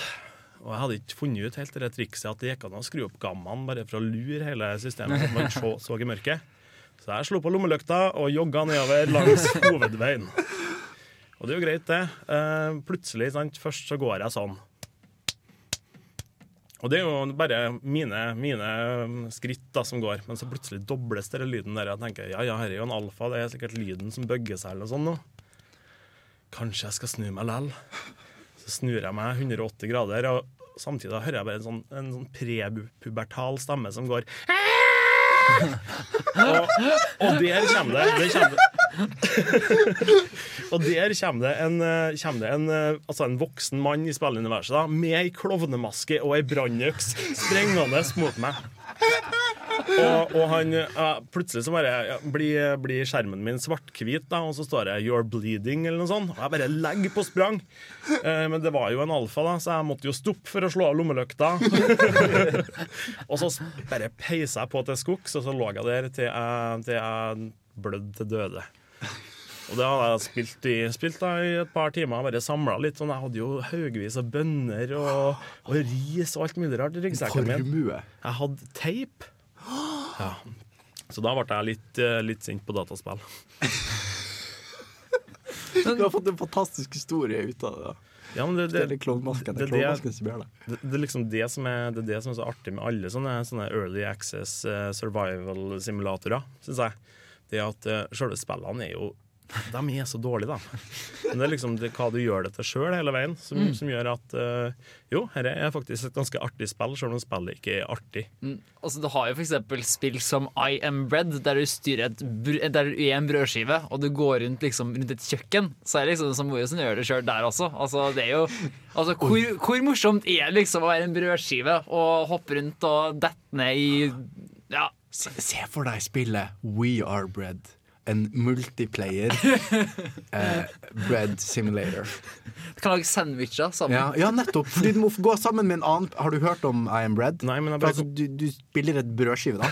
Og så er det om å gjøre å liksom finne det beste pålegget. Mm. Fordi du ruller rundt litt sånn jeg håper å si litt sånn Kartemari-aktig. Ja. Mer sånn eh, Kvop-aktig. Altså det er liksom Kontrollen er helt crazy.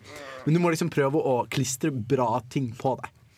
For å bli en bra sandwich. Fantastisk spill, Det ser ut Og så må det bli toasta til slutt, da. Det er viktig. Men uh, ja, det er noe som er veldig spennende etter hvert. For det er, ser så latterlig ut. Men uh, du har jo spilt noe retro også, du. Ja, er det noen som virkelig stikker etter deg? Du, eh, fortsatt så er jeg helt uh, kjempegira på Super Mario 3. Altså. Det er liksom det beste av det beste fortsatt, den dag i dag. Jeg satte meg ned og så på en speedrun av det i går, faktisk, på, Mm. på Twitch. Og der var det jo selvsagt en som er tusen ganger bedre enn meg, som holdt på da. Og ja, jeg ble mest lei meg når jeg kikka på han, for jeg innså at jeg kommer aldri til å bli så kjapp til å spille Mm. Super Mario. Men er, men det er liksom av den typen som kan liksom alle snarveiene og kan alt av kriker og kroker og hemmeligheter i Super Mario 3, eller er det mer sånn at Ja, eller um, Dette var jo på ei tid før internett. Internettet! Et magisk sted. Men finnes det Jens Erik, du er gammel. Faen. Har, har det vært en tid før internett? Det har det. Du levde da, du òg, tror jeg. Ja, jeg bare Det jeg skulle spørre om, var uh, om du har sett uh, han som uh, glitcher Super Mario World til å hoppe til rulleteksten etter fem minutter med spilling. Nei, det har jeg ikke. For den anbefaler jeg hvis du vil liksom virkelig få knust alle dine håp om at du var flink til å spille dataspill. Fordi her er det en fyr som sitter liksom, og prøver å liksom, gå gjennom en viss mengde steg, og så plutselig så får han rulletekst. Da. Og så blir han helt gæren, og da har han satt en verdensrekord i Super Mario World. Fra, liksom, fra start til rulletekst, som er sånn fem-seks minutter. Og så et par dager etterpå legger han ut en ny video på YouTube, og da har han korta ned dette tidsrommet til fire. Men det er, jo, det er jo flere sånne plasser at man dukker opp gamle, supergamle glitcher som man Yep. plutselig finner 25 år senere og sånn. Mm. Du har jo eksempel eh, skikkelig svært community rundt uh, Ocarina of Time, eller Legend of Zelda Ocarina of Time, der de liksom finner sånn type for to måneder siden bare finner en, en eller annen supermagisk glitch. Ikke? Du kan hoppe fra liksom DQ3 til helt til siste formen av Gan, liksom. Det er der uh, man dropper å ta opp skjold og sånn, ikke ja, det? er ja. masse rare sekvenser, så det fucker helt med hvordan minnes behandles i systemet. Ikke sant? Og det finner man ut ikke sant? sånn type 10-15 Altså, du bruker liksom år. memory location glitching? Ja. Rett og slett. Og det, sånn gjør det da for å, få raskeste raskest rekord da, i å slå det spillet. Da tar det bare å fucke Altså, så mye du kan med det. For Så- å bli informatikk, Andreas, i to sekunder ja, jeg, jeg studerer informatikk. altså, det er bare så fascinerende å bli minnet på at maskiner er kjempeavanserte, men de er også kjempe, kjempe, kjempedumme. Det er kanskje noe av det dummeste som finnes her, en datamaskin. Det er liksom, ja, jeg skal gjøre et eller annet med minnet som ligger der. Nå lå det der, da er det vel det jeg skal gjøre, da. Og så plutselig er du et helt annet sted i spillet. Men det som er så rart, er at noen av dem sånn her er sånn at du har sånn Dette skjer én i 1000 ganger. Dette har aldri skjedd før. Så når du liksom ser på videoer der folk prøver å komme seg gjennom, så er det sånn Wow, der fikk det til! Ah! Så det er veldig morsomt å se på sånne, sånne videoer. Det som er dumt å se på, er jo videoer der de feiler, og de bare ah, OK, end of video, goodbye. Det er, jo, det er jo veldig ofte det speedrunnerne gjør. det sånn, De skal Mm. sette ny rekord, ny rekord, ny rekord, og så bommer de på et hopp. Og Da har de spilt i 20 minutter, og så trykker de bare reset igjen. Så tenker jeg, Hvor mange timer av livet sitt har de faktisk brukt bare 20 minutter gang på gang på gang på gang på gang? På gang på gang på gang? Mm, nei, nei, altså, det er ikke min greie i det hele tatt. Men din greie er jo litt trolling, og, og sånn jeg skjønte. Uh, men hvilke spill er det siste Du nevnte jo et par spill også i uh, saken din om spill du likte å trolle folk i. Men er det noen nye spill i det siste som du har likt å trolle folk i? Eller? Nei, altså det, som, som jeg sa helt innledningsvis i programmet, ja, så, så har jeg begynt å spille uh, League of Legends igjen. Ja, ja. Og alle sånne Moba-folk er jo det sinteste folket i hele verden. Eh, si, ja, de er, de er sånn ja, altså Hvis du ikke kan eh, å banne på russisk, så lærer du deg å spille Moba-spill. så så, så de, er jo, de har jo allerede følelsene utenfor huden, så de er jo kjempeenkle å bare um, få enda sintere. Så, så jeg har ikke noen noe nye spill, men, eh, men jeg har jo noe, den gamle slageren som heter League of Legends, som jeg bare fortsetter i. Og ja, det, det er så mange måter man kan få folk sint på. Du kan for eksempel til og med hvis du bare sier ja, det var kjempebra, og du faktisk mener så blir jo folk sinte. Ja, det, det, var, det var neste spørsmålet mitt. Altså, hva er det du gjør for å få folk irriterte? Nei, altså Det enkleste er jo selvsagt eh, Og og det er jo, altså, det er jo ikke noe kult å bare sitte og si stygge ting til dem og sånn. Mm. For de Fordi jo- de sier jo bare stygge ting til deg også. Ja, nettopp. Sant? Og så plutselig da, så sitter man bare og sender frem og tilbake gloser om, eh, om foreldrene til hverandre, og det er ikke noe artig. Eh, samtidig så har jo Riot Games, de som, uh, som har laga League of Legends, de slår jo veldig hardt ned på sånn verbal abuse og sånn. Så man må jo prøve å være litt sånn sneaky på hvordan man kan uh, få folk sinna. Så, så det første jeg tenkte på når jeg starta, var at jeg må, ha et, jeg må ha et navn som virker veldig vennlig og innbydende. Så at folk tror at jeg er snill. Mm.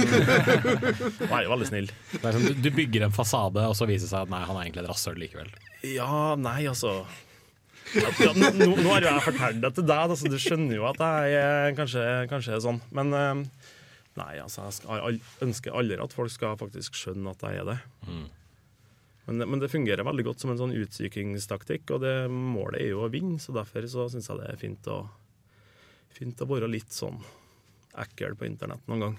Men en ting er jo internett, men hva om du spiller multiplayer-spill med noen som du sitter rett ved siden av? Oi, oi, oi. Det kommer helt an på om jeg kjenner vedkommende veldig godt eller ikke. Men, men det kan jo plutselig dukke opp noen sånne ting som jeg ikke har fortalt til vedkommende før, og sånn, bare for å få et lite overgrep, skal jeg si. Overtak, var det jeg mente. Uh, oh, ja, uh, Skulle nesten D-level-knapp, men den har jeg ikke. Ja, men jeg fortjent den. Jeg fortjent den. Um, ja, um, men, men uh, du har jo på en måte et, en fordel der hvis du kjenner vedkommende godt, for da vet du jo allerede hvilke knapper du skal trykke på. Ja. Men jeg har aldri blitt sånn kjempefysisk over å spille TV-spill, nei. Det har jeg ikke. Nei, det er bra, for at vi skal jo senere ha blant annet sånne Hva kalt det, Bård?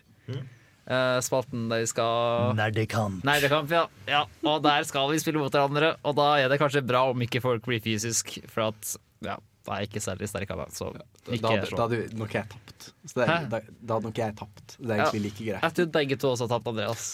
Å, vi kunne tapt sammen. Nå, ja. Nei, du kunne vunnet. Nei, da. Nei, du kunne Nei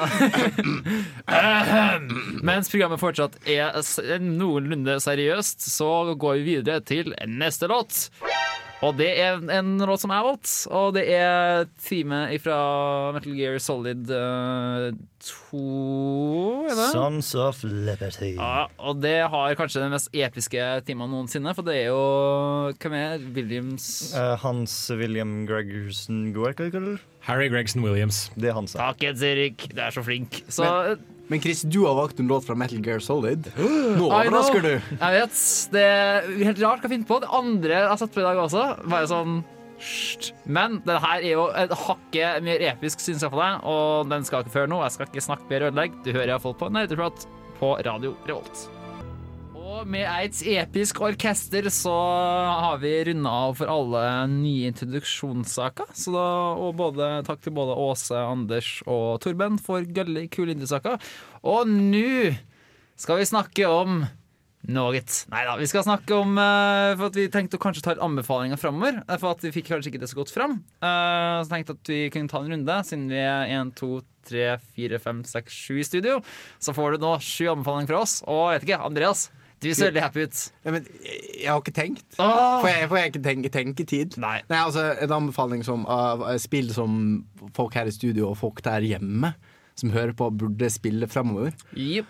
Um, jeg har allerede nevnt uh, Saints Row 4, som alle burde få med seg hvis de ikke har. Altså, uh, jeg har ikke lest så mye bra om den uh, expansion packen. Get Out of Hell. Get Out of Get Hell. Out of Hell er Det er mer Saints Row 4 men historien varer bare to timer, og resten av spilletida forventer, du, forventer de at du skal fylle ved å løpe rundt i uh, denne helvetesbyen og bare fullføre sånne sideoppdrag. Det blir litt kjedelig, syns jeg. i hvert fall. Nei, hvis det er noe jeg ser fram til i år, så tror jeg det er uh, Just Cause 3. Tror jeg jeg er veldig spent på. Jeg, husker jeg, jeg tror det er release date i år. Så det ville jeg fulgt med på hvis jeg var dere. For det, ja, som kanskje hører, jeg liker litt sånn eh, sandkassespill. Altså hvor det på en måte det er av og til en story der. Eh, men hovedpoenget er at du skal liksom leke deg og fyke rundt. Og Just Cause 2 var helt eh, utrolig morsomt å fyke rundt i. Eh, så det skal jeg holde øynene opp for eh, dette eh, semesteret her, og det, det burde alle andre gjøre også. Åse, du hadde ikke egentlig noe spill du så fram til? Eller? Nei, altså ikke noen som kommer ut de neste to årene. Men har du noen generelt å anbefale? Jeg ville jo i utgangspunktet anbefale Crusader Kings 2 Way of Life til alle, for de har gjort levd for du har ligget med halve Europa, som jeg bruker å si. Nei, nei, jeg, har, jeg har Crusader Kings 2 i Steam Library mitt, sammen med 100 andre spill som jeg aldri har spilt. Men jeg har det, det er faktisk installert til og med. Men det er litt sånn spill hvor jeg vet ikke helt hvor jeg skal begynne. For det er litt sånn overveldende. Det er litt sånn Du har jo fått fasiten allerede. Ligger med halve Europa. Hvor vanskelig er det? Og du, du, du skulle være visst, Chris. Nei, men det kommer jo med en, det kommer med en veldig god tutorial, da. Ja, ok, Så det er bare spill hjem tutorialen. Er, er dette inkludert i tutorialen hvordan ligge med halve Europa? Det er jeg usikker på. Bra seksualundervisning i Crusader Kings 2. Altså. Spoilers er at jeg uansett er ræva på strategispill, uansett om det er en tutorial der eller ikke. Men Bård, hva slags Yes. spill har du å anbefale? Eh, jeg kan ta og anbefale et spill som både er ute og kommer til å komme enda mer ut etter hvert. Sånn som alle gode Telltale-spill gjør. Fordi at eh, Tales of Borderlands er verdt å sjekke ut. Sjøl om du ikke har spilt Borderlands. For eh, jeg har kun tatt og spilt et par timer Borderlands 2 med en kompis. Og eh, eh, dette var en kompis som har spilt Borderlands 2 fra før, og bare dro med meg videre, sånn at jeg ikke fikk med meg noe morsomt. Og etter hvert så ble jeg litt lei av lut, lut og mer lut. Men uh, Tales of Borderlands er en genuin morsom serie. Fordi at det, det Telltale er det flink til å gjøre, er å lage interaktive TV-serier. Og Tales of Borderlands er en uh, sci-fi-komedie hvor du spiller som drittsekker. De, uh, det er noen som tok og sammenligna Tales of Borderlands med et Cowboy Bebop-spill. Og det er faktisk en rimelig god sammenligning. Så eh, dersom du liker å le, og liker science fiction og liker andre Tales of ne, Tales, Telltale-spill, beklager, så absolutt sjekk ut Tales of Borderlands. Cool. Anders, har du noe å anbefale? Ja, eh, jeg vet ikke når det kommer ut, men jeg anbefaler alle sammen å spare pengene sine og pante flasker til det kommer. Eh, det er det er et spill som har arbeidstittelen Total War Warhammer. Det, og det er jeg sitter og gleder meg veldig til de blander den eh, Total War-historiske franchisen med, med den Warhammer-franchisen. Fantasy Battles med orker og dverger og alver og rotter og alt imellom der sånn. Sinte berserkvikinger fra fjellene og Men når får vi Total War Warhammer 40 000? Ja, for det er det jeg vil si. Ja, det er det jeg vil ha. Gi meg det jeg vil ha. Respekt. Nei, jeg vil heller ha Warhammer 40 000 Total War enn respekt, faktisk. OK, da. Nei, Vi kan, vi kan bytte. Nei da. Nei, Jeg da. vet ikke Uh, Jens Erik, Hei. Har du noe å anbefale? Uff. Um, det, er et spill jeg ser veldig fram til, selv om jeg ikke har spilt uh, dens forløpere, og det er Bloodborne. Uh, Utviklet uh, delvis av From Software og uh, regissert av Hidetaka Miyazaki, som sto bak Demons Souls og Dark Souls, men ikke Dark Souls 2. Hm? Nei, jeg syns bare Demons Souls. Ja, men det er jo det det heter. Demons. Ja, ja. Altså Demon apostrof S. Souls. Nå slo jeg borti mikrofonen min. Det var ikke bra. Uh, det gleder jeg meg veldig til, fordi det ser ut som en sånn eh, sånn, sånn gammel viktoriansk sånn monsterjegerspill, hvor du spiller en sånn Van Helsing-aktig fyr med en hagle i den ene hånda, eller en avsagd hagle i den ene hånda, og en, eh, en, et svært sverd som også kan bli et svært kniv, og som kan også bli en ljå, og liksom masse forskjellige sånn øksevåpen og sånt noe, eh, med en sånn lang sånn fotsid frakk, og det er kjempe, kjempekult. Og så er jeg selvfølgelig gleder meg til alle Nintendo-spillene som kommer ut, og tror Yoshi's Woolly World kan bli et Ja. kjempefint sånn Det det jeg kaller kjærestespill, eh, så man kan spille med folk som uh, ikke spiller så mye dataspill ellers. For eksempel eh, min kjæreste, som ikke spiller så mye dataspill, og hun gleder seg veldig til Yoshi's Woolly World, og derfor gjør jeg det også. Fordi jeg tenker at det er noe vi kan nyte sammen. Fordi, eh, fordi hyggelig. Ja. Da Torveig, har du å anbefale? Har jeg allerede anbefalt på en måte Splatoon og som jeg, Selv om jeg ikke har spilt det ennå. Jeg jeg. Jeg tror det er et av spillene som vi i Nerdprat kommer til å krangle veldig om hvem som skal anmelde, men uh, ja, Bortsett fra meg. Bortsett fra Andre sa ikke meg. men jo, har du noen andre spill å anbefale? Som jeg har spilt, da, eller? Ja, spilt, eller ja, helst noe du har spilt. Ja, fordi Det er et spill jeg ikke har spilt, men som jeg synes høres ganske interessant ut. Hvilket da? Det heter vel Evolve. På- Ja, det har jeg lest om. Det er, det er fra Left 4 Dead-skaperne. Er det ikke? Jeg lurer på om det er det. Ja. Turtle Rock Studios. Mm. Det, det er litt det er, Hvordan skal jeg forklare det? Det er asymmetrisk eh, team battle-spill. Hvis, hvis dere blander eh, filmen Predator med Left 4 Dead, eh, Ja, det så får ja, dere. Evolve. Med, med litt grann sånn, sånn Jurassic Park kasta inn. Fordi én person er et monster, de fire andre spillerne er jegere. Så skal de jage på monstre. Monstre må spise andre monstre for å bli stor. Og så utvikler seg den evolver. Ikke sant? Og da er spørsmålet Vil Anders da trolle folk i spill ved å være monstre? Men eh, det får vi se senere. Men uh, Torben? Ja, det er jo basically Mario Chase from Nintendo-land. Bare litt uh, større og eh, bedre, vil jeg tro. Så, og det er jo Mario Nintendo-land har jeg hatt eh, moro med i lag med venner. Så kan jo være spennende å se hvordan Evolve er i forhold til Ja, Evolve er også spiller Game veldig sjøl. Det er, ser bra ut, det ser ut som det funker bra, og jeg har veldig lyst til å være et stort monster. Og det kommer ut om ikke så altfor lenge. Serr? Når da? Når da, Jens Erik? Jeg tror det er sånn en uke til. Cirka. Andreas, hadde du noe Nei, jeg bare lurte på uh, noe rett på tampen om vi skulle ta litt om hvordan semesteret blir framover. Ja, det kan godt du. Etter. Etter. Ja, men det var, Etter. Jeg, jeg må få presentere min, da. Ah, unnskyld. Anders, ja. Chris. Tips, tips, tips. Ingen som catcher catchet? Chris skal snakke om Metal Gear Solid 5, fordi Chris slutter aldri å snakke om Metal Gear Solid 5. Ha-ha. Det er ikke helt sant, Jens Erik, men jo, er Metal Gear Solid 5 The Phantom Pain, del 2 av Metal Gear Solid 5. For den ser kul ut, det er svært, og det er mye mer fritt enn noen andre spill, og det er det som jeg håper, virkelig håper, skal være det store eh, next gen-greia. Ikke bare sånn vi har en ny konsoll med litt bedre specs, men faktisk noe som ser ut som en next gen-spill. da. Jeg nå gleder meg veldig til.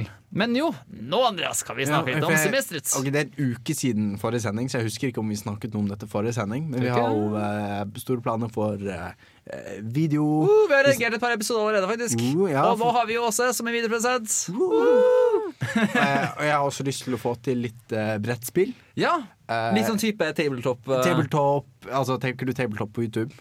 Ja. Eller tenker du på tabletop-spill? Nei, tabletop på YouTube. Ja, eh, ja, litt sånn. Uh, men jeg, jeg, jeg har drevet med sånn uh, type Dungeons and Dragons tabletop-spill før. Jeg tenker det dere hadde vært kule å spille med de andre i nerdeprat. Uh, og kanskje vi også kommer til å ta det opp på et eller annet vis.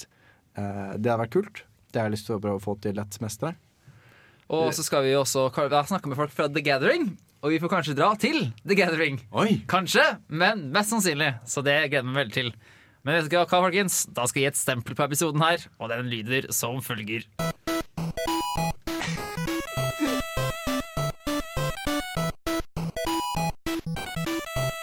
Den har superkvalitet på det. Superkvalitet, med andre ord. Vår. Neste uke så er for øvrig også Score i Trondheim, så er symfoniorkesterframføring av en halvhaug haug med uh, spillmusikk. Eh, Det er på onsdagen halv åtte. Jeg vet ikke om billetter er lett tilgjengelig fremdeles, men vi kommer i hvert fall til å dekke det uka etterpå. Mm. Men nå begynner vi å gå tom for tid. Men nå skal vi til slutt ha en tradisjon. Men Jens Erik eller Bård, dere må forklare den for meg, for jeg kan den veldig dårlig.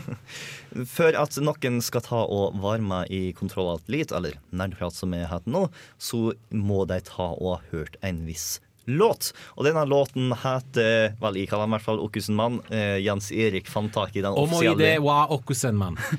Som eh, basically handler om en kar som har lyst til å være skikkelig badass eh, superhelt i Japan. Kjent som Okkusen-mann der. Og den er bare så utrolig dritsilig og ferdig slikt et godt humør. Og du har hørt på Nerdprat. Takk for oss. Vi snakkes neste gang.